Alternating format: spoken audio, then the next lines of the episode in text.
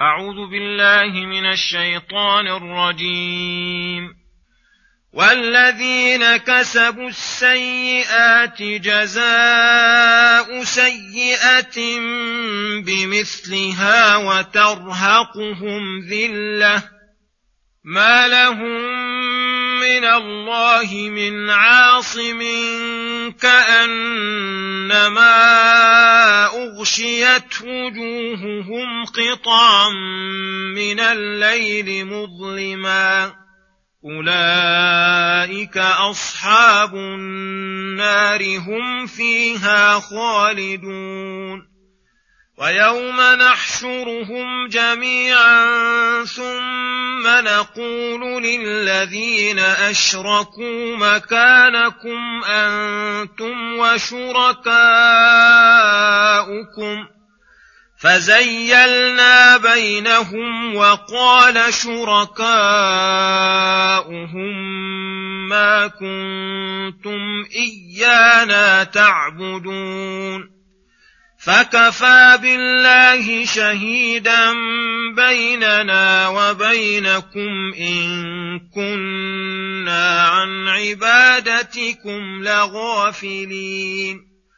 هنالك تبلو كل نفس ما أسلفت وردوا إلى الله مولاهم الحق وضل عنهم ما كانوا يفترون قل من يرزقكم من السماء والأرض أم من يملك السمع والأبصار ومن يخرج الحي من الميت ومن يخرج الحي من الميت ويخرج الميت من الحي ومن يدبر الامر فسيقولون الله فقل افلا تتقون فذلكم الله ربكم الحق فماذا بعد الحق إلا الضلال فأنا تصرفون.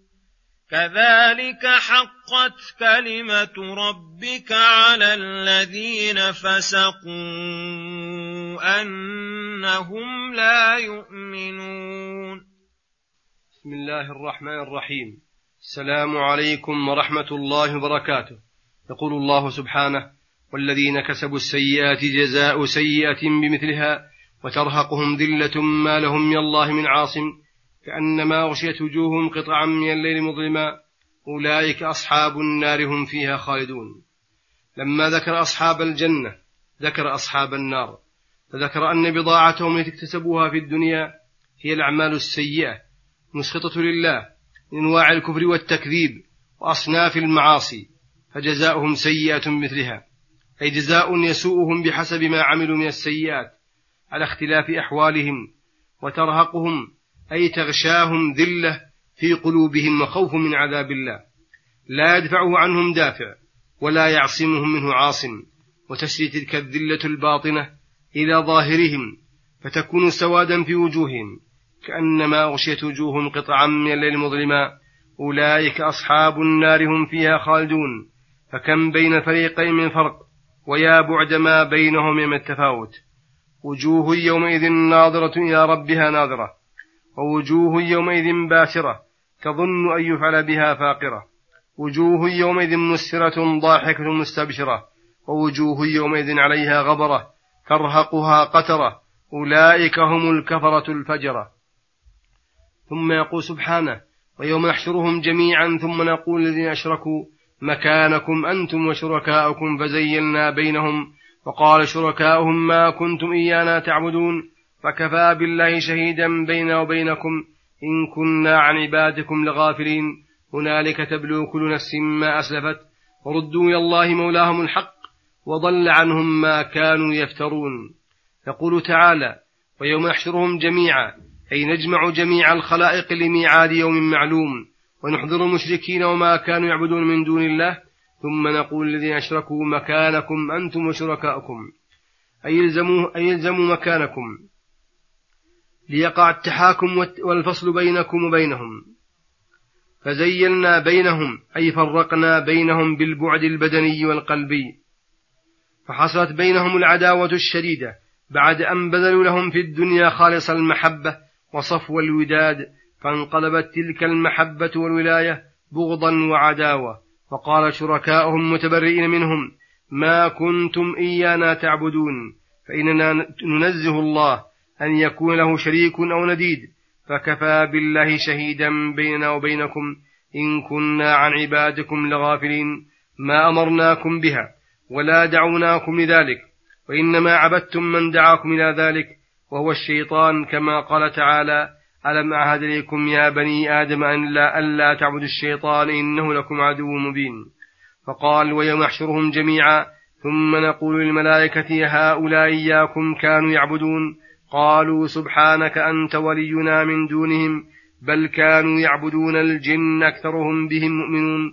فالملائكة الكرام والأنبياء والأولياء ونحوهم يتبرؤون ممن عبدهم ممن عبدهم يوم القيامة. ويتنصرون من دعائهم إياهم إلى عبادهم وهم الصادقون البارون في ذلك فحينئذ يتحسر المشركون حسرة لا يمكن وصفها ويعلمون مقدار ما قدموا من أعمال وما أسلفوا من رديء الخصال ويتبين لهم يومئذ أنهم كانوا كاذبين وأنهم مفترون على الله قد ضلت عبادتهم واضمحلت معبوداتهم وتقطعت بهم الأسباب والوسائل ولهذا قال هنالك أي في ذلك اليوم تبلو كل نفس ما أسلفت أي تتفقد أعمالها وكسبها وتتبعه بالجزاء وتجازى بحسبه إن خيرا بخير وإن شرا بشر. وردوا إلى الله مولاهم الحق وضل عنهم ما كانوا يفترون من قولهم بصحة ما هم عليه من الشرك وأن ما يعبدون من دون الله تنفعهم وتدفع عنهم العذاب. ثم يقول سبحانه قل من يرزقكم من السماء والأرض أم من يملك السمع والأبصار ومن يخرج الحي من الميت يخرج الميت من الحي ومن يدبر الأمر فسيقول الله فقل أفلا تتقون؟ أي قل لهؤلاء الذين أشركوا بالله ما لم ينزل به سلطانا محتجا عليهم بما أقروا به من توحيد الربوبية على ما أنكروا من توحيد الألوهية؟ قل من يرزقكم من السماء والأرض بإنزال أرزاق من السماء وإخراج أنواعها من الأرض وتيسير أسبابها فيها أمن يملك السمع والأبصار؟ أي من هو الذي خلقهما؟ ومن مالك أي من هو الذي خلقهما؟ وهو مالكهما. وخصهما بالذكر من باب التنبيه على المفضول بالفاضل ولكمال شرفهما ونفعهما. ومن يخرج الحي من الميت كإخراج أنواع الأشجار والنبات من الحبوب والنوى وإخراج المؤمن من الكافر والطائر من البيضة ونحو ذلك. ويخرج الميت من الحي عكس هذه المذكورات. من يدبر الأمر في العالم العلوي والسفلي وهذا شامل لجميع أنواع التدابير الإلهية. فإنك إذا سألتم عن ذلك فسيقولون الله لأنهم يعترفون بجميع ذلك. وأن الله لا شريك له في شيء من المذكورات. فقل لهم إلزاما بالحجة. أفلا تتقون الله فتخلصون له, فتخلصون له العبادة؟ وحده لا شريك له وتخلعون ما تعبدونه من دونه من الأنداد والأوثان فذلكم الذي وصف نفسه بما وصفها به الله ربكم أي المألوه المعبود المحمود المربي, المربي جميع الخلق بالنعم وهو الحق فماذا بعد الحق إلا الضلال؟